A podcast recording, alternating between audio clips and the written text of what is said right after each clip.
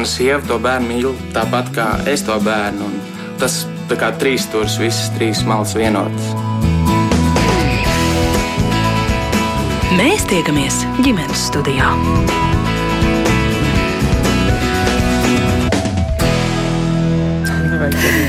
Labdien! Priecājos sveicināt jūs visus ģimenes studijas radījuma klausītājus. Mans vārds ir Agnese Linka, un šī radījuma producente ir Ilza Zvaigzne.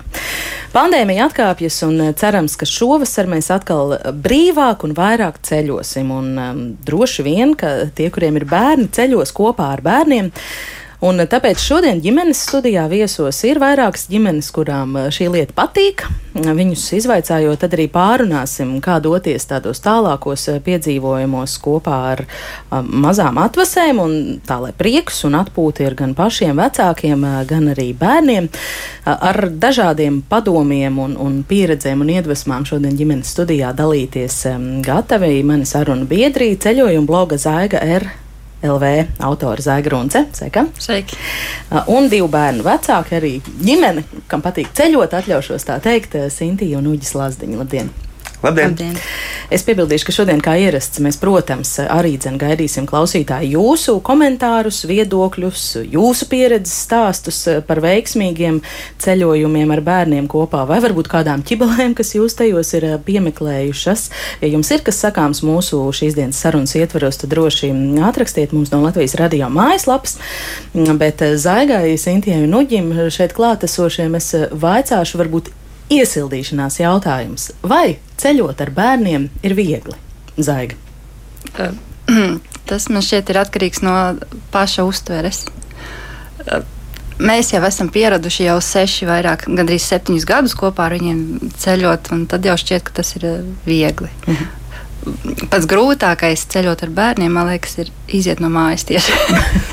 Iztaisīties. Iztaisīties, jā, pēc o, jā. tam jau Nav tik traki. Sakrāmēt somas, packings un unpackings. Mm. Kam ir vairāk gadu jūsu vecākajam bērnam vai jūsu ceļojuma blogam? Blogam. blogam. Tas nozīmē, ka jūs aizrāvāties ar to lietu jau pirms kļuvāt par māmu. Jā, sāka vīrs, bet tagad vairāk es. tad var redzēt, kā mēs jau ar pašiem, ar, ar zīdaini vienu, pēc tam ar, ar divgadnieku un, un vēl vienu zīdaini. Un attīstās mūsu bloks. Mm -hmm. uh, jūsu puikas tagad ir cik veci? 4 un 6 gadi. Divi dēli, 4 un 6 Jā. gadi. Uh, Sintīna un Oģi, kā jūs teiktu, ar bērniem ceļot, ir viegli? Es nemalošu un teikšu, ka nav, nav. nav viegli. Mm -hmm. Bet uz to Bet. Darāt? Mēs darām uz to skatīties tā, ka ceļot kopā ar citiem cilvēkiem, jebkurā gadījumā nav viegli. Visvieglāk ir vienam pašam, jā? Jā, nu, es neesmu mēģinājis, mēs divi tā esam. Tikai, bet, bet principā, jā, jo, jo, jo vairāk cilvēku, jo vairāk jāsaskaņo plāni, kurš grib uz basēnu, uz muzeju, uh, parādāt par to, kā abols nav nomizots pareizi, nu, kas kurā gadījumā, bet uh, tā ir, uh, tas ir plānošanas jautājums. Nu, bet vecākiem jau arī vecāki nebrauc atvaļinājumos. Viņi vienkārši pieskata bērnus citā vietā. Ah. Tas, tā ir mana uztvere. Kā, nu, kā, tā kā es mājās dekrētā vai projām, tad tas ir viss, kas mainās. Mm. Cik veci tagad ir jūsējiem? Nu, cik vecs ir? Gads tūlīt meitiņai pēc nedēļas ir, un puikam ir trīs gadi. Jā. Un jūs to darāt. Jūs šad un tad pieskatāt savus bērnus ārpus mājas, ārpus valsts arī. Vai tā? Jā. Arī, ja vajag pastrādāt, viens no mums var pastrādāt. Kā, mm. Ir pierasts. Cik bieži jūs kaut kur braucat? Kāda ir tā jūsu līdzinājā pieredze? Nu, Caurmērā sanāk, nu, kādas divas reizes gadā laikam. Nu, tagad, kad ir bērni, ir divas, pirms tam bija vairāk. Nu, ir grūtāk ar maziem. Nu, pandēmija pa vidu. Jā, tas, tas arī izjauca. Mm -hmm. Tad mēs, mm, kad pandēmija bija sākusies, tad mēs izsprukām pirmajā, pirmajā brīdī, kad nomierinājās. Tad mēs ar, ar dēlu aizbraucām. Viņam bija trīs mēneši, bet bija tāds sajūta, ka vajag tagad aizbraukt, kamēr, kamēr var kaut kur tikt. Un, un aizbraucām uz, uz Francijas Nicu. Labo tas man. bija pirms pandēmijas. Pirms? Jā, otram bērnam mēs izsakām. Tāda gara, gara, nekas, jā, nekas negulētās naktis dod savu. nu, nu tad liekot kopā to bildi, kur jūs esat bijuši kādos bērnu vecumos? Abiem trīs mēnešus, tad bija pirmo reizi. Un pēc tam mēs ik kaut kādu pusgadu braucam. Un reizi gadā mēs braucam visa ģimene, kas ir 11 cilvēki. Pēdējais mēs bijām 16. Jā, nu tas tāds, bet nu, diezgan fēni. Tu paņem vienkārši vienu lielu māju, iznāk ļoti lēti. Uh, vienreiz mēs ņemām vēl ar baseinu, kas arī ir ļoti forši. It kā ir augļi vai kas taisa ēst, bet nu, es saku, it kā jau visi jau grib paši braukāt. Uh, Tā ir jūsu Sintīs ģimenes pieredze. Kas ietilpst šajā 11 cilvēku sastāvā? Tas ir no Omīts, Opīšs, kas, kas tur ir? Jā. Visi, visi vecāki. Mm, man brālis vēl brauc ar savu ģimeni, viņam arī ir nu, jau divi bērni. Uh, man ir divas māsas. Tad vēl tur radu mamma, nu, mēs savācamies. tad ir pilna māja, mēs dzīvojam citā mājā kaut kur. Um, kas, kas īstenībā ir forši tāds, tāda mājas uh, īrēšana ir. Uh, Uh, nu, tā kā sava vieta nav bezpersoniska, tā kā viesnīca var būt, bet tev ir māja un var atļauties uh, paņemt arī ar skatu vai kaut kādu baseinu vai, vai tur, dārzu. Un, un, Mm. Un tie ceļa mērķi, kādus jūs gala mērķi, kādas jūs lokācijas izvēlaties? Mēs droši mēs Eiropā caurmērā. Nē, nu, Patiesībā vienkārši, kur Rainers lido vislētāk. nu, pilnīgi godīgi atbildēšu šo jautājumu. Tas ir ļoti, es domāju, ļoti populārs variants, Jā. kā cilvēki. Kuri ģimenē ir vairāk par diviem plāno ceļojumus, vai ne? Zaiga, kāda ir jūsu līdzšinējā pieredze par šiem sešiem gadiem, kurp jūs esat devušies ar puikām? Ir iespējams uzskaitīt? Hmm. Nu, grūti. Nu, puikas ir ap, ap 30 valstīm bijuši šobrīd. 30. Oh. Mm -hmm. Nu, patiesībā, tad, kad piedzima otrs bērns, mēs abi ar vīru paņēmām kā to sauc, dekrēta atvaļinājumu. Jā, bērnu kopšanas atvaļinājumu. Jā, bērnu kopšanas atvaļinājumu. Un tad mēs aizbraucām uz Centrālu Ameriku, kur pavadījām gandrīz piecus mēnešus. Ar abiem puikām? Jā, jā. Centrālā Amerikā. Jā, jā. Piecus mēnešus. Jā. un tad vairāk, nu jā, pa Eiropu daudz. Mm ar, ar, ar vecāko mēs bijām arī Irānā, Emirāti, Jordānija. Nu, arī gan eksotiskas vietas. Nu, jā. mm -hmm. Kā tas ir savienojums, kāda atšķirība ar vienu, ar diviem bērniem? Pilnīgi uh, cita bilde, ne? Ar diviem varbūt pat ir vieglāk. Hmm. Jo viņi viens otru izklaidē. Mums nav tik daudz, varbūt viņi, nu, kā, viņiem jāpievēršās viņus. Nu, kā, Mēs vienkārši sadalām katram savus bērnus, ko mēs pieskatām, bet tā viņi savā starpā spēlējas, runājas. Tā, tā kā. Ceļošanai piemērotākais bērnu vecums. Ai, grūts jautājums, jo katrā vecumā ir kaut kādas grūtības, ko, ko, ko vajag risināt. Nu, piemēram, nu, ar zīdainīti protams, ka tā visa barošana un, un, un, un, un, un pamperi un tā tālāk. Bet, nu, lai gan tas ir atkal viegli, kad vienkārši ieliec varbūt ratos vai, vai ergosomā un viss un staigā, un tas ir mm. forši. Lielākiem atkal interesē viss, tad ir jāsaskaņo vairāk, ko mēs darīsim, kādas izklaides mēs gribam, ko gribam redzēt, un tad viens negrib, otrs grib, un tad viens nekur negrib iet. Un ko jūs darat tajā situācijā, kad viņš nekur negrib iet? Man ir tādas situācijas gadās manos ģimenes ceļojumos. Gribu zināt, kā citi tiek galā. Nu, kādu brīdi ļaujam viņam pabūt. Viņam vajag vienkārši pārslēgties, man liekas, uz to, uz to nākamo kā, posmu. Mm -hmm. Arī iziet no mājas kaut kur, ja kur dodoties, viņam vajag kaut kādu nu, mm. pārslēgšanos. Bet ceļojuma plānošanas specifika atkarībā no tā, cik, cik, cik liels ir bērns vai bērni. Kādas jums kaut kādas nianses esat novērojuši? Nu, es tagad, jā, ar vien biežāk googlēju, piemēram, galamērķi, un tad is it stroller safe, vai ar ratiņiem var izbraukāt, jo tā ir tiešām problēma, piemēram, tajā Nicā. Mēs aizbraucām ar ratiņiem. Nu, pirmais ceļojums ar mazu bērnu. Ir kā paskatāmies, nu, var taisni braukt. Bet gan visās mājās nav lifta. Un viesnīca arī nebija lifta. Tad mēs vienkārši spiegto stāvu stiepām ratus visu nedēļu. Mm. Cik mēs... mēs pa Venēciju stiepām ratus augšā pa tiltiņiem un lejā. Ja tur, tur nebija varianti apakaļ. Mēs tikām līdz salas galam pusvalsts, un tad atpakaļ braucām ar prāmi, jo negribējās vairs nest tos ratus atpakaļ. Mm. Bet ratus vajag. Nu, jā. Mums ir divvietīgie rati, pat trīsgadīgs var sēdēt. Un tad super, tā abas bērnu sakramenti, kad viņi grib mm. gulēt, kad viņi ir noguruši, kad viņi grib ēst. Pilnīgi vienalga.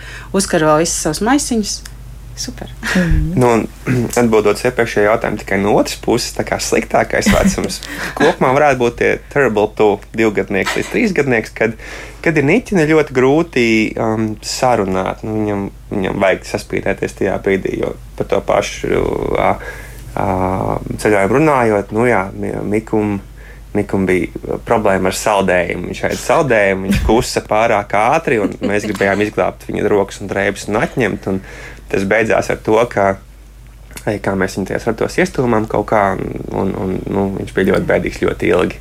Un tāpēc mēs nesām ratus tiltiņiem augšā un lejā, kur bija abi bērni iekšā. Tur bija divi vai kaut ko gadi. Un, un, un, un mazā mētra. Un, nu, tas bija, tas bija sportiņš. Jā. Bet tomēr jūs to uh, darāt. Jo, lūk, piemēram, man patīk mūsu klausītāji ļoti aktīvi uzreiz uh, iesaistās jau pirmajās minūtēs šajā sarunā.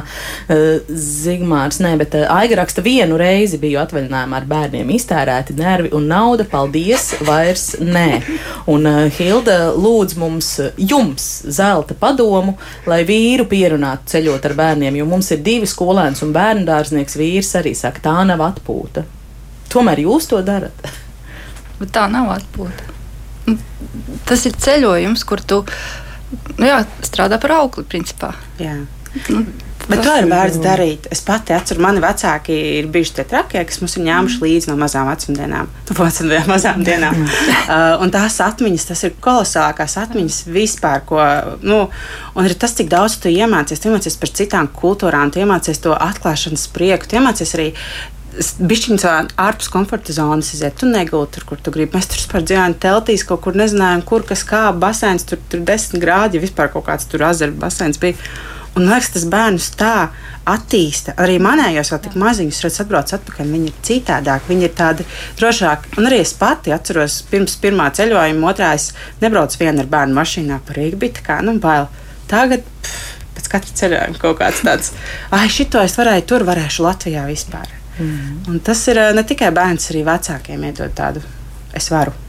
Es, es tikai gribu pateikt, ka es nu, ne, nevaru pārmest cilvēkiem, kur grib atvaļinājumu kā atpūtu veidot.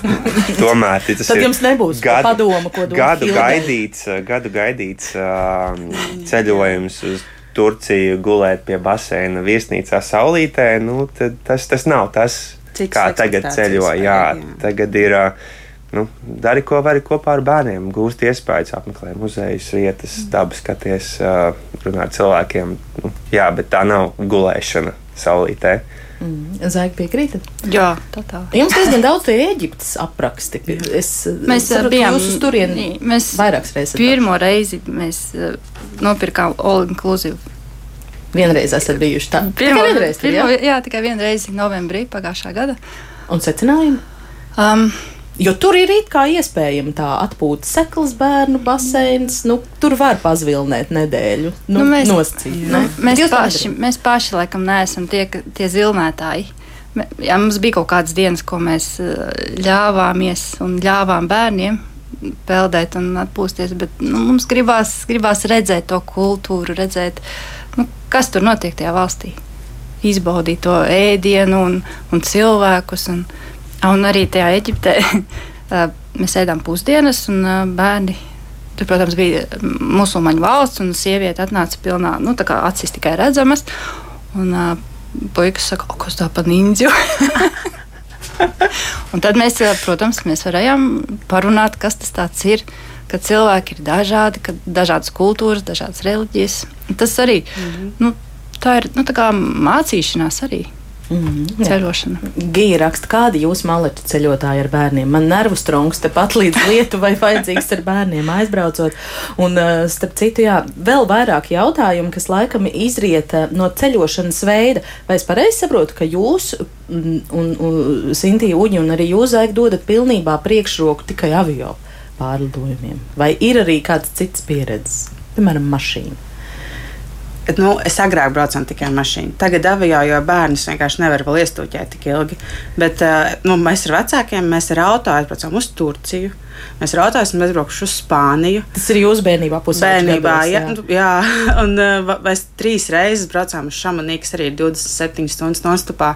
Un es pat, nu, jā, labi, tas varbūt bija grūti, bet es to neatceros kā tādu ārprāts, ārprāts, nu, kad dzīvē es negribu to izbaudīt. Un tas bija tāds, ej, nu, roadtrips, tur super, māsīts, reku tētis, mūzika, tur hotdogi, poļu benzīni. Bija forši. Un es tiešām nevaru sagaidīt, ka saviem bērniem varēšu izklāt Eiropas kartu priekšā un teikt, rekur, nu tā kā liekam kopā ar mašīnu, jo tā ir lētāk. Mm, yeah. Uģi piekrītat, jā? Ja? Viņš tā kaut kā Es, es ar mašīnu tālu neesmu bijis. Man prātā ir tikai mokoši pārbraucieni uz Itāliju, kur mēs, kur mēs nomaucām tiešām 22 stundās vienā piegājienā. Bet tas ir vēl bez bērniem. Jā? Tas bija vēl jā, bez bērniem. Jā. Man tās atmiņas nav tik labi palikušas. Lēnāk var mēģināt. Jā. Mums būs demo brauciens, mēs Somiju tūlīt uh, aizlaidīsim. Bet tas tāds nu, iesildīties, pastīties. Ar bērniem kopā? Jā. Ar mašīnu? Jā. Mhm. Ar prāmi, Tallina, jā. Tallina tad... prāmis un, un tur, tur, tur. Mhm. Un mērķis tur kaut ko apskatīt? Vai? Tas ir man ap, apvienots ar komandējumu. Ah. Vispār ideja. Zaiga. Nu, mēs, auto jā, mēs ceļojumiem. agrāk vairāk ar avio ceļojām, bet šobrīd vairāk ar mašīnu. Tad mums ir arī kemperbusiņš, oh. ar kuru mēs mm, pirmo ceļojumu pagājušajā gadā vasarā veicām līdz Norvēģijai, Somijai, Norvēģijai. Un šogad plānojam vasarā uz Sloveniju braukt. Kādas priekšrocības uh, auto turismam, turismam ar kemperi? Tas pirmais, kas nāk prātā, ka bērni noteikti pagulēs dienas. mm. Un tas ir svarīgi. Jā, lai viņi būtu apmierināti, viņiem vajag pagulēt. Un, un, un, ja viņi ir piesieti pie autokrēsliņa, viņi noteikti pagulēs. Jā. Jā. Nu, grūti, protams, ir tas, ka garāks ceļš, bet uh, man liekas, ka mūsējie jau ir pieraduši. Jo mēs diezgan aktīvi braukājam arī pa Latviju apkārt. Un tad tas pieredums. Tas nozīmē, ka viņi pie tā ir radināti jā. jau no mazām dienām. Jā, jā, mhm. jā. Cik ir tālākais, cik ar auto esat braukuši? Nu, līdz Trumsē, Norvēģijā. Un tad, augšā, jā. jā, un tad mēs bijām arī Bulgārijā. Bet, nu, tur, mēs divus mēnešus braukājām. Tas, tas, tā. Mm -hmm. nu, un tie izaicinājumi viņi, viņiem mašīnā esot iestūķētiem, kā Sintī teica. Kā ar tiem tikt galā? Nu, te, piemēram, mums klausītāji raksta, ko darīt ar bērnu kašķiem. Vienam ir pieci, vienam ir astoņi gadi pilnīgi klasika, pat var pateikt.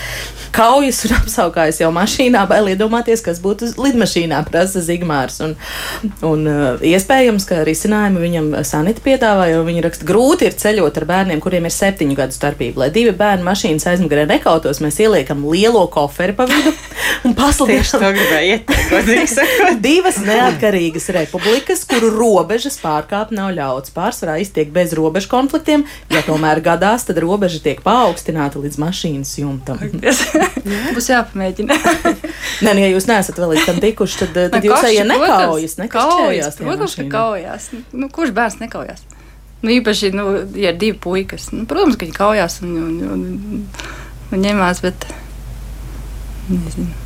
Mēs pēc kaut kādiem garākiem izbraucieniem esam ievērojuši, ka vajag viņiem ļaut kaut kur izskrieties, kaut kur izdauzīties, kaut, kaut kādā laukumā, lai viņi izliek to enerģiju. Jo sēdēt, protams, ir grūti. Un, kad viņi izdauzās, tad, tad, tad, tad nav tāda kašķa. Valdis raksta, ka tēma ir lieliska un aktuāla, bet lūdzu mani jums uzdot jautājumu, kur jūs ņemat naudu tik tāliem un ekskluzīviem ceļojumiem. Vidējais Latvijas iedzīvotājs var tikai sapņot. Um, Kā plānojat ceļojumu budžetu? Nu, cik Jā. daudz varat, eh, varat atklāt tiešām varbūt, uh, nu, par šo? Tad, kad mēs braucam ar ģimeni, tas ir rītīgs budžeta ceļojums. Un, uh, es vienbrīd domāju, ka rakstīt, jā, bet es pat vienreiz uzrakstīju par Kipru. Mēs bijām Kiprā, mēs bijām 9 dienas, tie 16 cilvēki. Mums uz cilvēku kopā ar avio biļetēm, mašīnas ir trijām no tām dienām, transfers, ēšana. Ko mēs paskatījāmies, katram bija 400 eiro. Man liekas, ka tas nav nekāds kosmos par tām 8, 9 dienām. Jo, ja jūs ņemat lielu māju uz baru, tas ir daudz, daudz lētāk. Mašīna arī nav jāierē uz visu laiku. Var tiešām nu, kaut kādu laiku var ņemt vienkārši mazāk kaut kādā pilsētā, tad vispār auto ir. Ja auto ir viens no dārgākajiem. Un pārtika, ja taisa barā un uh, sametās un sadala, piemēram, viena ģimene taisa, tad vakariņas, tad brokastis un tā arī var ļoti sataupīt. Protams, tikko paņemt tālāk galamērķi vai dārgāku skanēju, ko nu, tas ir neaizbēgams. Vienkārši mm -hmm. Nu, jā, jāmēģina par lētāku kādu. Bet arī tas jūs pieminētais, tās, tās avio biļetes, lētās biļetes mācīt. Noķert. Un, un ja Sintīs mammai padod ideju, ka varētu braukt kaut kur, tad viņa pāris vakars nosēdēs, atradīs lētāko viesnīcu, lētāko biļeti, lētāko autonomu, visu, visu, ko vajag. Viņai ir tāds mm. azarts. Un... Viņa kartogrāfs, geogrāfa mafijā bijis. Nevar dot idejas, tu iedod idejas līdz divām naktī, sēž tēta zvana, atkal tu viņai te. Zaiga, kā jūsu gadījumā? Nu, laikam līdzīgi. Jo, nu, jā, meklē, protams, kur ir lētākās avio biļetes. Varbūt arī nebraukt uz dārgākajām valstīm, vai arī mm. izvēlēties kaut kādu to transportu, kas, kas nu, teiksim, braukt ar mašīnu uz kaut kādu ga dārgāku galamērķi, uz to pašu Norvēģiju. Paņemt pārtiku līdzi, un, un tas nav tik traki dārgi. Jā. Mēs jā. bērnībā tā arī braucām no, nu mašīnas, teltis jā. un pārtika līdz no Latvijas, un pēc tam lidlos pirkāmies. Nu, tā nav līdz reklāmai, ka tiešām ārzemēs bija lētāk. Un tas bija, mēs varējām trīs nedēļas noceļot, un ļoti, ļoti mazā budžetā. Ļoti. Mm -hmm. Ita vai, e, vaicā, lūdzu, jūs nosaukt top trīs lietas, ko jūs ņemat līdzi ceļojot ar maziem bērniem, lai būtu vieglāks un harmoniskāks ceļojums. Nu, tad droši vien viss kaut kas tas varētu būt. Es nezinu, vai Planšet. ir domāts planšete vai rotaļlietas, vai es nezinu, tur, tur radošo darbu komplektiņi vai grāmatas krāsojamās vai kaut kas tāds. Mitras salvetes. Oh, jā, jā, jā. Rezerves apģērbs un apavi. Nu, apģērbs un apelsīns tas jau laikam pašsaprotami. Mums ir mūsu stoka rati. Viņus vairs tādus neražo, bet viņi ir divos stāvos, nevis blakus, bet divi stāvi. Abi bērni, lai uzkarinātu mantas, viņi ir nobraukuši 3000 km jau, un viņi nav labi gultņi mainīt. Bet bez tiem ratiem mēs ar diviem bērniem vairs tā, jā, tie rati mitras salvets, jo tas, mm -hmm. nu jā, tas ir vispār, pat drēbes var izmazgāt, vai ne dažreiz. Mm. Nu, planšete? Tētis vēl kaut ko teiks? Tāds ir grūts. Es domāju, kas ir tās svarīgākās trīs lietas. Grāmatā parasti saraksts ir garš. Um, Ķēngursomu. Ķēngursomu, jā, nu, jā, tad sanāk laikam divas lietas. Viens ir transports, kas ir uh, ķēngursomu vai, vai, vai rati. Labi, mums mazi bērni tur lielākiem varbūt jā, kaut kur čemdānā divdapu ielikt vai kaut ko tādu. Jā, jā. jā, un tad otrs ir izklaides, kas ir mīļākā mašīnīte, planšete. Um, nu, zīmēt viņiem nepatīk vēl. Kaut kā izklaide, vienmēr kaut kāda izklaides. Mm. Ēdiens, ēdiens, bērnu mm. laimīgi kāduši, burkāniņi un abolīši un, un kāds kukurūzas nūjas. Mm. Tas ir nesmērē. Trīs lietas ir. es mēģinu nopirkt kādu biezu, biezu ar kādām 200 dažādām mazām knibināmām uzlīmītēm. Tās uzlīmju grāmatiņas ir zināms vecuma posms, ka viņi ilgi ar šito var darboties. Oh. Ir īpaši ir kaut kāda tur, tuvā tēma, ka, ka, kuram no nu kura ķepu patruļa vai mm. Minecraft vai kaut kas tam līdzīgs. Jā. Gvido mm, humoristisku komentāru atsūtījis. Atceros no bērnības ar vecākiem un brāli bijām Parīzē 90. gados. Atmiņas karsts, izbadējies un nogurs. Dusmīga mamma, kas pukst, lai velkamies ātrāk. Tagad gan man patīk ceļot, bet Parīzē neesmu vairs atgriezies. Pat nezinu, vai savus bērnus kaut kur ņemšu ceļot ātrāk par 15 gadiem. Un, um, Ignese raksta, jūs man iedvesmojāt. Arī man ir divi bērni, bet vēl maziņi, uh, arī man ir bailes sākt tālākus ceļojumus. Lai gan pirms bērniem daudz ceļojumu, ļoti patīk ceļot, bet noklausoties interviju, saprotu, ka laiks beigt baidīties un doties uh, ceļā. Jā, un uh, Jānis Veicā, kādi galamērķi Eiropā būtu ieteicami pirmajam ceļojumam ar bērniem? Galamērķi Eiropā? Kaut kādam pirmiem ceļojumiem jau nav jābrauc nekur tālu. Tāpat Lietuva, Igaunija. Nu, labi, tā būtu Baltija. Nu, tad vēl drusku ārā no tās. Polija arī ļoti skaista valsts. Man liekas, Daudz Polija, Itālija. Jā, jā, jo Polija ļoti izdevīgi, diezgan tuvu, var ar mašīnu aizbraukt. Un mašīna sākumā varbūt ir vieglāk, jo tev ir vieta, kur paslēpties, tev ir vieta, kur aiziet pabrot, kur brīdī, tev ir vieta, kur no bērnu skolēt, kur brīdī. Māns var paņemt vairāk.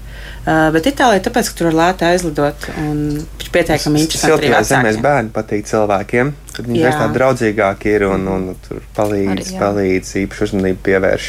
No nu, ar nu, siltajām zemēm saprotot arī Eiropas. Eiropas siltā, jā. jā, nu īstenībā visas laikam siltās, jā, bet uh, tās pašas Itālijas. Kipra, Sardīnija forši būtu. Kipras. Nu, Sardīnijā ratiem nevar. Nu, grūti. Mm. Jā, daudz dažādi interesanti uh, komentāri. Arī Fanija raksta, ka viņai bail ceļot ar bērniem, bet jūs esat iedvesmojoši. Mūsu sarunai šobrīd pievienosies uh, vēl viena māma. Katrīnai ir divi bērni. Viņa ir arī kulinārā bloga Krustnagliņa LV autore. Un kopā ar vīru un bērniem viņi ceļo jau kopš mazie vēl ir bijuši zīdaiņi. Šobrīd viņi par īstu atradumu sauc uz mašīnas jumta novietojamu telti. Uh, kurp un kā tiek plānota viņu braucienu, kur viņi ir bijuši, tūdaļ pastāstīs uh, Katrīna pati. Šobrīd maniem bērniem ir vecākajiem ir pieci gadi dēlam, un uh, meitai ir divi gadi. Ar vecāko dēlu mēs sākām ceļot, kad viņam bija jau divi mēneši. Sākumā tas bija vairāk ar lidmašīnu, bet mēs ātri vien sapratām, ka ar bērnu ceļot ar lidmašīnu ļoti nērti, jo galā tāpat ir nepieciešams īrēt mašīnu.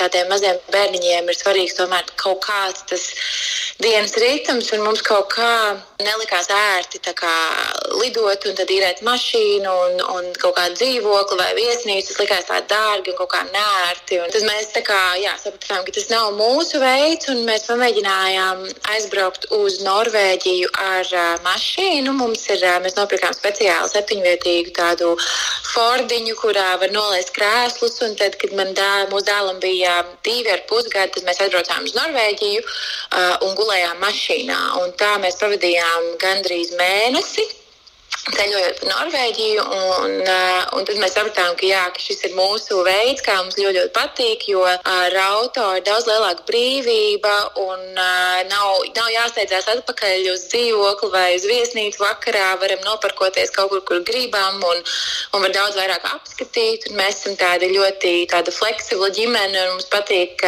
visu kaut ko atrast pa ceļam, visādus, visu kaut ko redzēt un piedzīvot. Tāpēc mums tas ceļošanas veids vairāk tā kā piestāvēja mums. Un, Un tad arī vēlāk, kad piedzima uh, meita, tad mēs nopirkām jumta telti mašīnā, jo mēs sapratām, ka mēs esam bijuši nu, jau pa daudz, lai sagulētu uh, mašīnā vienkārši. Tad tagad mums ir arī jumta telts, ko mēs uh, vasaras sezonā uzliekam mašīnā uz jumta, un to ir tā super viegli attaisīt, kad vajag burtiski vienā minūtē uzcelt uz jumta. Un jā, mēs pagājušajā vasarā tādā veidā aizbraucām līdz Horvātijai. Izceļojām Horvātiju arī un, un vēl pa vidam apskatījām arī daudz ko pa ceļam Eiropā. Manai meitai bija nedaudz virs gada, un viņa nebija tik pacietīgs autobraucējs kā mans dēls, kurš var nosēdēt visu dienu mašīnā. Tāpēc mēs tā izdomājām, varētu līdz Horvātijai tikt. Mēs braucām kopā ar vēl vienu ģimeni, kurai arī ir divi bērni, un mēs tā izdomājām tādu fleksiblu to mērķi. Ja netiksim līdz Horvātijai, nu, tad varbūt līdz Slovenijai. Nu, ja ne līdz Slovenijai, nu, tad varbūt kaut kas Polijā būs interesants. Un tad eh, tā pamazām, pamazām, dienu pēc dienas mēs skatāmies, kā iet, kā bērni jūtās, vai viss ir kārtībā. Un arī pa ceļam eh, mēģinam atrast kādu vai nu akvaparku vai kādu zoodārzu. Eh, arī tie paši bērnu laukumiņi, ja bērni ir galīgi, galīgi noguruši no braukšanas, tad mēs apskatāmies kartē, kur ir tuvākais bērnu laukumiņš un aizbraucam, lai viņi var izskraidīties. Un mēs tā neiespriežam nedrīkstam par visām varītēm nonākt tur, kur mēs gribējām, un pa ceļam apskatīt to, ko mēs gribējām. Jo nu, bērni ir bērni, un nekad nevar zināt, kā viņi jutīsies. Un, un tā. Ļoti daudz arī esam pa Latviju šādā veidā ceļojuši. Patiesībā mēs kā, sākumā izdarījām tādu tā eksperimentu braucienu, vairāk, lai saprastu, kā ir ar diviem maziem bērniem ceļot. Mums, protams, ir bijis arī sapnis par savu busiņu, kas ir pielāgots tādai ceļošanai, dzīvošanai vai kemperi, bet mēs esam nonākuši vienmēr pie tā duršies, ka kemperi ir lieli un busiņi ir lieli un daudz kur nevar iebraukt, kur mums patīk visu kaut kur pētīt, braukt, gan arī pilsētās iekšā, gan kaut kur, kur varbūt ir tik liela busiņa, nevar iebraukt iebrauktu. Tāpēc mēs kaut kā esam tomēr palikuši pie mašīnas pagaidām. Un, un tā telts ir uh, uz jumta ļoti ērti gulēt, gan īsti tāpat kā gultā lielā. Tur ir jau iekšā matracis uh, šai teltī. Viņai tā kā nāk līdzi, tur iekšā jau ir matracis. Un tad uh, mēs paņemam savus spilvenus, savus sagas, un tad uh, katru rītu vienkārši daļu no sagām un spilveniem ieliekam mašīnas bagāžniekā, daļu atstājam augšā un vienkārši to telti salok un aizver ciet. Man liekas, liekas ļoti, ļoti ērti, jo man patīk tas, ka mēs neesam piesieti vienai vietai un, un vienmēr varam kaut kur braukt un kaut ko meklēt. Un, ja esam noguruši, varam apstāties ātrāk. Un, jo ar bērniem nekad nevar zināt, kurā brīdī būs uh, jābeidz braukšana un, un vajadzēs atrast naktas mājas. Man liekas, ka mūsu ģimenei šis ir tāds ērtākais veids. Drošības ziņā viss ir tā kā jābūt, viss ir ok. Protams, nu, tur ir trepas, kas, kas iznāk uz leju, un tad, protams, jāpieskat bērni, tīpaši mazāki, uh, lai viņi varbūt paši tur nekāp lejā, bet uh, nu, mēs pieskatām savus bērnus vienmēr, un, un viss ir bijis kārtībā. No finansiālā aspekta skatoties, cik izdevīgi ir braukt tieši ar mašīnu šādā veidā? Jūs esat kādreiz mēģinājuši salīdzināt? Mēs esam mēģinājuši salīdzināt, bet tas ir ļoti atkarīgs no kur brauc, uz kurieni, cik tālu, kā tajā konkrētajā valstī ir ar ēšanas izmaksām un degvielu un tā tālāk. Protams, četriem cilvēkiem nopirkt lidmašīnas biļetes, tas ir dārgi. bet arī par degvielu, ir īpaši šobrīd uh, samaksāt, arī ir dārgi. Es domāju, ka šis ceļošanas veids, nu, neteiksim, ka tas būtu tā ļoti, ļoti daudz lētāk nekā aizlidot kaut kur. Varbūt vienīgi tas, ka par nakšņošanu nav jāmaksā tādā izpratnē, ka mums nav, teiksim, par viesnīcu jāmaksā vai īrēt dzīvokli kaut kur uh, ar mašīnu. Tādā ziņā atkrīt, bet kā mēs noteikti braucam daudz vairāk, braukājam apkārt ērēm degvielu daudz vairāk nekā, ja mēs būtu kaut kur kādā vienkārši aizlidojuši uz kaut kuriem. Tā kā tas tā, to tā ļoti grūti salīdzināt, jo tie ir tādi pilnīgi dažādi ceļošanas veidi, un to noteikti var darīt arī ļoti, ļoti ekonomiski. Piemēram, kad mēs braucām uz uh, Norvēģiju, toreiz mums vēl nebija jumta telts, mums bija jumta bagāžnieks, un mēs bijām pilnu jumta bagāžnieku piekraujuši rēdienu no Latvijas, jo mēs zinājām, ka Norvēģijā ēdiens ir ļoti dārgs. Un, un tagad jau pat varbūt tās cenas vairs nav tik liela atšķirība, kāds bija pirms vairākiem gadiem. Um, bet mēs centāmies tādu rītīgu, budžetīgo braucienu, jo mums nebija tik liels budžets tajā laikā, un mēs vienkārši ņēmām līdzi. Bet tajā pašā laikā, ja mums būtu vairāk naudas, mēs noteikti tērētu daudz vairāk uz vietas. Tāpēc es domāju, jā, kā vajag, tā var pielāgot. Tas ir forši, manuprāt. Kā laika apstākļi dažādi ietekmē iespējas šādi ceļot ar mašīnu, ar bērniem un ar telti? Tā es neteiktu, ka kaut kā ļoti ietekmē noteikti tas domāšanas veids vairāk jāpamaina noteikti, jo arī lietainās dienas ir forši izbaudīt, un gulēšanas ziņā tas neko nemaina, jo tā telts ir tā kā ūdens necaurlaidīga. Un tādā ziņā, protams, ir bišķiņi grūtāk tas, ka mēs izdzīvojamies kaut kur āru un ir slapjas drēbes, un kaut kur jābrauc, tad mašīnā varbūt grūtāk tās ir izžāvēt, un, un kaut kādas tādas mazas praktiskas lietiņas, bet um, mums tās lietainās dienas ceļojot ir bijušas nu, tik ļoti maz, ka nav bijusi tāda tā kā baigta liela lielā problēma kaut kāda par to kā vispār domāt. Ir bijušas reizes, jā, kad prasās, ka būtu tas kemperis, eh, ja ārā līst, tad mēs varētu vienkārši visi tur padzīvoties pa kemperi, palasīt grāmatas un uztaisīt ar pat iekšā ēst. Tas tā ar mašīnu ceļojot, protams, ir tas specifiski, ka tad uzreiz ir jādomā, varbūt kaut kāds cits ēšanas risinājums. Bet mēs pārsvarā darījām tā, ka, ja mēs redzam laika ziņās, ka būs kāda lietaina diena, to jau tā kā plus mīnus var prognozēt, tad mēs parasti ieplānojam, ka mēs tajā laikā vienkārši braucam ilgāk uz kaut kādu vietu, ka ka vairāk esam mašīnā nekā kaut kur atbraukuši, tagad baudīt kaut ko un, un, un līst visu dienu, piemēram. Jūs reiz gatavošana esat eh, ļoti uz to, kā ir eh, ceļojumos ar mašīnu, ar eh, ēst taisīšanu. Un... Mēs ēdam ļoti vienkārši ceļojot ar mašīnu. Tās ir sviestmaizes un, un mums vienmēr ir katliņš līdzi, kur uzvārīt ūdeni, kafijai vai uzvārīt makaronus vai uzvārīt putru, ko apliet ar karstu ūdeni. Lai gan man ļoti patīk gatavot ēst, bet es neaizraujos ar kulinārijas begiem šedevriem, kamēr mēs ceļojam, jo tā vienkārši nav prioritāte. Noteikti arī labprāt baudām tur, kur mēs esam aizbraukuši to vietējo virtuvi, bet, ja mēs paši gatavojam, tad tas ir kaut kas ļoti, ļoti vienkāršs. Ja vien mēs neesam nopirkojušies, teiksim, kempingā uz vairākām dienām, tad, piemēram, Horvātijā pagājušajā vasarā mēs aizbraucām uz tirgu un, un nopirkām vietējās jūras veltes un dārzeņus, un tad mēs tā kaut ko tādu smalkāku un interesantāku pagatavojām. Bet tā, ja mēs esam ceļā un kaut kur braucam, tad jā, tas pārsvarā ir kaut kas ļoti vienkāršs. Putra un sviestmaizītes un kādas uzkodas, protams, arī tāpat čipšu paka, kāda pa ceļam tiek apēsta un, un tā.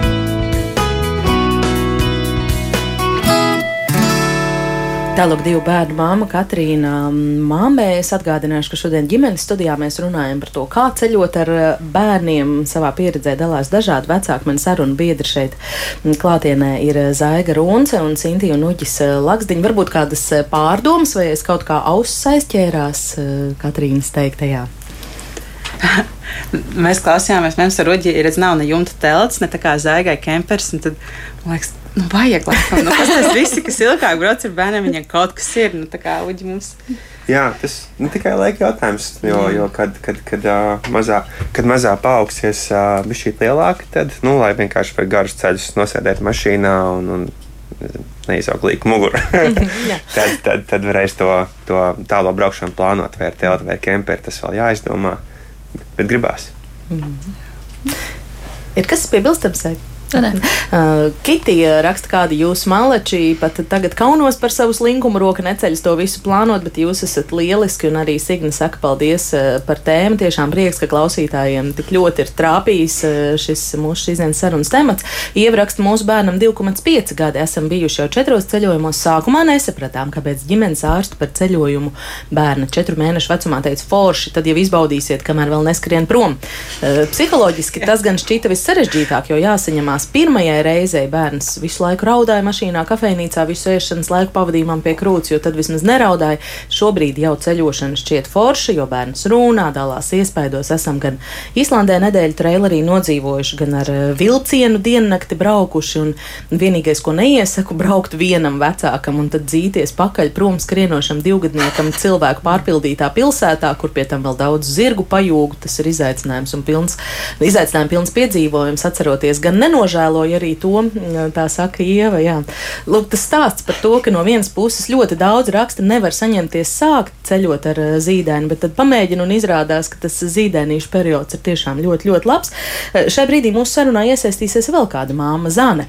Viņa kopā ar eh, savu vīru un astoņus mēnešus veco meiteņu arī nesen devās savā pirmajā ceļojumā, pirmajā lidojumā. Kopumā tas viss viņiem izdevās ļoti, ļoti uh, pārsteidzoši labi, taču tādu nepatīkamu pārsteigumu viņi piedzīvoja māju ceļā, bet par visu pēc kārtas pastāstīs Zane.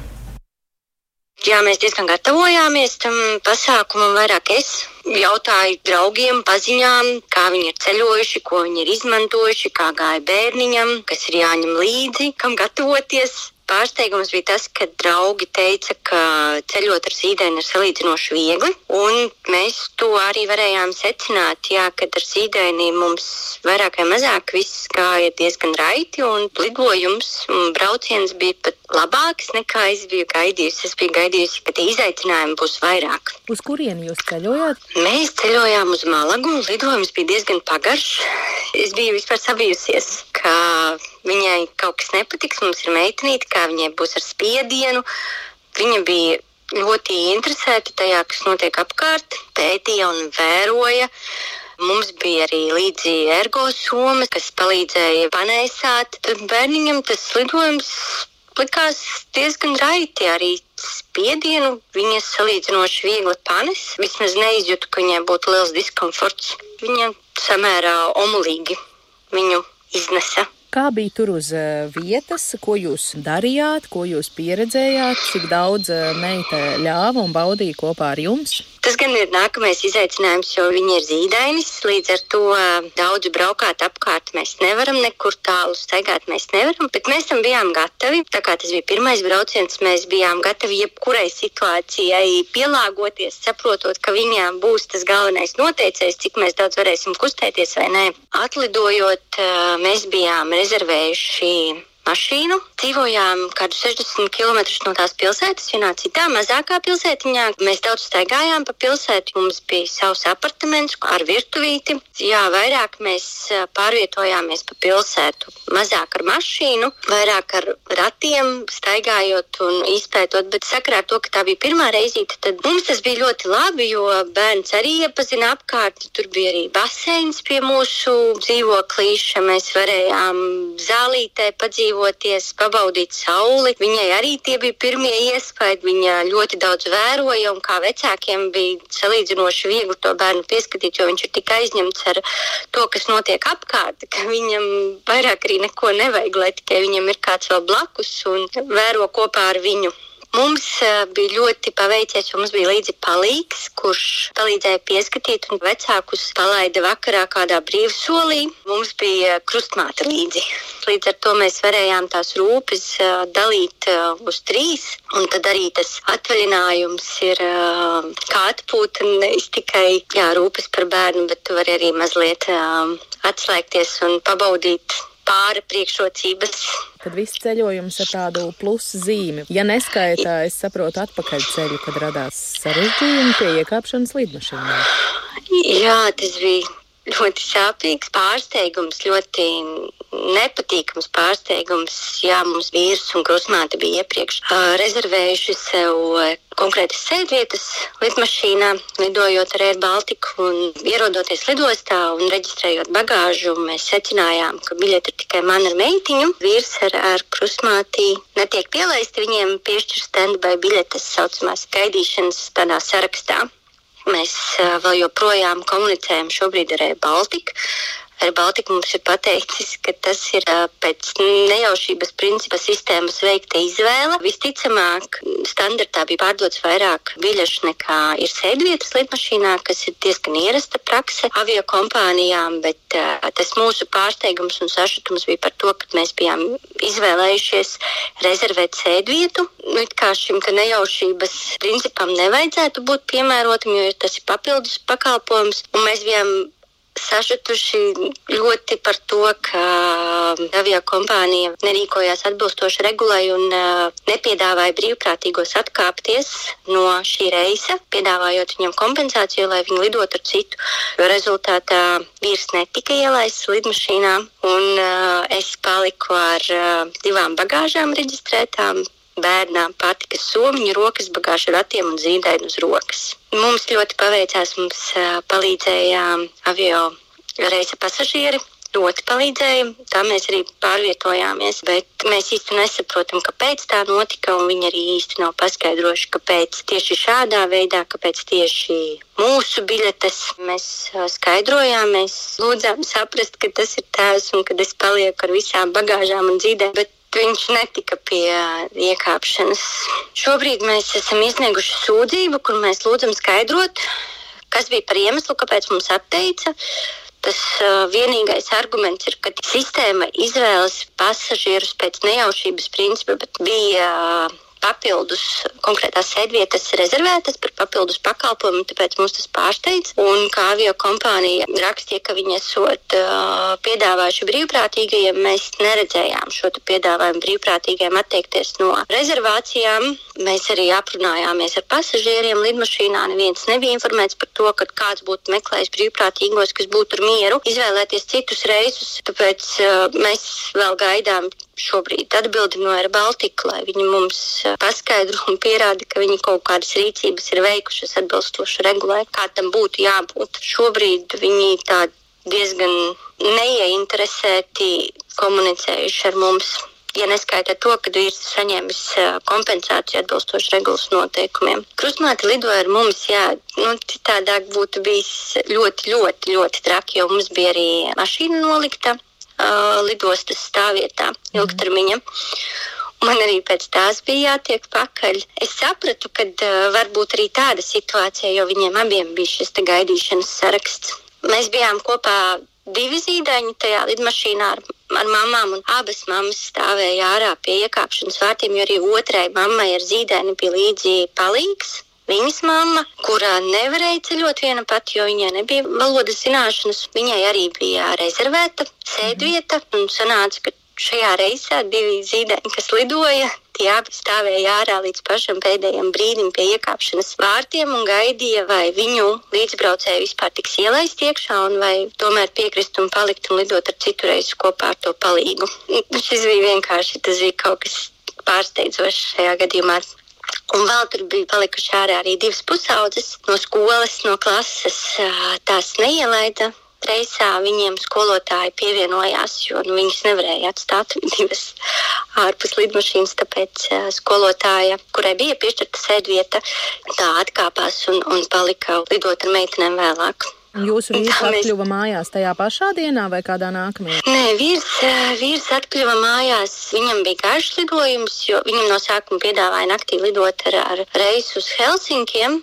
Bet uh, viņš uh, atkāpās un ļāva pusaudzēm ar skolotāju lidot ar to reisu visām kopā. Lai viņas ir ātrāk mājās, tad viņam sanāca, ka mēs ielidojām sestdienas naktī, viņam, viņš ielidoja svētdienas naktī. Diennakti vēlāk, jā? Ja? Jā, sanāca diennakti vēlāk. Jā, tā ir nestandarta situācija, es piekrītu, bet viņa tika ļoti nekvalitatīva un neprofesionāli atrisināta. Biznesa klasē arī bija palikušas vietas, kāpēc viņi negribēja atvērt. Tas droši vien atkal ir kaut kāds uh, cits jautājums. To mēs viņiem neesam jautājuši. Bet tas bija man ļoti sāpīgs sajūta, iekāpjot lidmašīnā, redzot, ka biznesa klasē ir uh, praktiski trešdaļa brīvu vietu. Nu, kāpēc? Jūs atstājat tēti ārā un, un pusaudzes. Liekas, nu, kur, kur, kur? Tā bija tāda skumja pieredze, jo visur uh, avio kompānijā uzsver to, ka jā, cīdēni ceļot ir ļoti ērti, jums ir prioritārā rinda un parūpēsimies, un viss būs ļoti jauki. Mums sanāca pilnīgi tāda augsta duša tajā brīdī.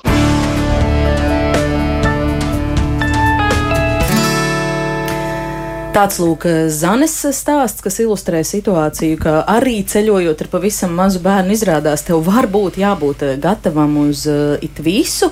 Mm, bet, lai šo nedaudz komentētu, šobrīd mums uz brīdi pievienojas arī patērētāja tiesība aizsardzības centra patērētāja konsultāciju un sūdzību departamenta direktore Edīte Drozda, kas arī zina un ir noklausījusies šo Zanes stāstu. Labdien, Edīte! Labdien! Vai jūs varat paraksturot, kā šajā situācijā ir vērtējama tāda avio kompānijas rīcība? Kas varbūt ir tas, ar ko ģimenēm ir jārēķinās eh, šādos gadījumos, un kādas savas tās galvenās pamatiesības varbūt jāzina ceļojot ar bērniem? Vai jūs varat kaut ko izklāstīt šī gadījumā sakarā? Jā, pirmkārt jāsaka, ka tā kā mēs nezinām par šo situāciju neko sīkāk, tad konkrēti, kas notika šajā gadījumā, es nevarēšu nokomentēt, bet teorētiski, jā, pastāv tāda iespēja, ka pasažierim var tikt atteikta iekāpšana. Arī, arī tad, ja ir rezervētās ne... sēdvietas? Arī tad, ja ceļo regulā, regu, regula, kas risina šo jautājumu, nenosaka, kad var atteikt iekāpšanu kādam, nu, teiksim, vai tam, kuram ir rezervēta sēdvieta, vai tam, kuram nav. Var atteikt, li, atteikt iekāpšanu jebkuram lidojuma pasažierim ja ir kaut kādi apstākļi, kādēļ, diemžēl, tas ir noticis. Un tas, ja jūs iegādāsieties šo rezervēto konkrēto sēdvietu, nebūs uh, kaut kāds īpašs faktors, kad uh, pret jums nevarētu notikt šāda situācija. Vai ceļojot ar pavisam maziem bērniem šādos gadījumos, tas ir eh, faktors, kas dod kaut kādas papildu tiesības vai garantē kaut kādas tiesības? Šī regula, par kuru iet runa, ne, nenosaka šādas lietas, kad ir īpašas kaut kādas tiesības lidojot ar bērnu vai ar vairākiem bērniem, bet, bet nu, cik zināms no pieredzes, tad parasti aviokompānijas tomēr cenšas nodrošināt kaut kādu labāku, īpašāku attieksmi šādos gadījumos. Par to, kas noticis konkrētai gadījumā, patiešām es nevarēšu nokomentēt, bet es dzirdēju, ka avio kompānija ir izpildījusi savu pienākumu un ir izmaksājusi kompensāciju pasažierim par to, ka viņam tika atteikta šī iekāpšana šajā plānotajā lidojumā, un tā ir pareiza rīcība. Savukārt par to, kā, kā visa tā situācija risinājās, viņi lūdza tos brīvprātīgos atkāpties, nelūdza, kā viņi izvēlējās tos pasažierus, kuriem atteikt iekāpšanu, tad to mēs varētu vērtēt tad, ja mēs pieņemsim saņemt no šiem pasažieriem sūdzību, tad mēs pieprasītu skaidrojumu aviokompānijai un tālāk vērtētu, kāda šī rīcība bija, viņa atbilda regulē, neatbilda, vai tur bija vēl kaut kādi papildus apstākļi. Kaut kādas. Ceļojot ar bērniem, droši vien, ka pats pirmais būtu jāpaskatās avio kompānijas noteikumi, tas, ko viņi raksta, kādas būtu, teiksim, šīs, te varbūt prasības vai nosacījumi ceļojot par tiem pašiem bērnu ratiņiem, kā viņus pārvadāt, lai tas būtu droši un galamērķī viņi, teiksim, tiktu saņemti laicīgi un um, bez kaut kādiem arī bojājumiem. Tāpat svarīgi būtu noskaidrot visu šobrīd, kas ir aktuāli vēl droši vien par ar Covid saistītiem jautājumiem, par testiem, par certifikātiem, vai ir vajadzīgi kādā gadījumā, jo jārēķināt, ka šobrīd katrā valstī tie nosacījumi var atšķirties. Jūs jau būtībā tad iezīmējāt, kas vēl ir tās biežākās problēmas, kas sakarā ar ģimeņu ceļojumu pieredzi nonāk jūsu redzeslokā. Tie ir salauztie rati, Uh, un kaut kas tam līdzīgs, vai vēl kaut kas šai, šai sarakstā? Uh, varētu būt, jā, kad uh, salauzti ratiņi nokļūst galamērķī, varbūt, kad no bagāžas kaut kas nenokļūst galamērķī laikā. Arī tādas sūdzības mēs saņemam, ka, teiksim, jūs aizlidojat un kāds viens čemodāns kaut kur pa ceļam ir noklīdis. Tad varbūt jārēķinās kaut kādas lietas, ko var, protams, paņemt rokas bagāžā, kas ir svarīgas priekš bērniem, tad labāk uh, ņemt līdzi šajā rokas bagāžā. Skaidrs, paldies patērētāju konsultāciju un sūdzību departamenta direktora Iedītē Drozdē no patērētāja tiesībā aizsardzības centra, kā komentējāt. Kādas jums varbūt domas galvā rosījās Zaigas, Inti, Uģi šo stāstu klausoties? Nu, ļoti žāk tā sanāca. Esat kaut ko tādu pieredzējuši kādreiz? Nu, tik drastiski arī? nē. Nu, kaut kādas bijušas, nu, kaut kādas pazaudētas somas, rati nav atnākuši. Nu, tā kā lidoju. Mm -hmm. Galvenmērķi, jā, jā, jā, jā, tad mēs gaidījām.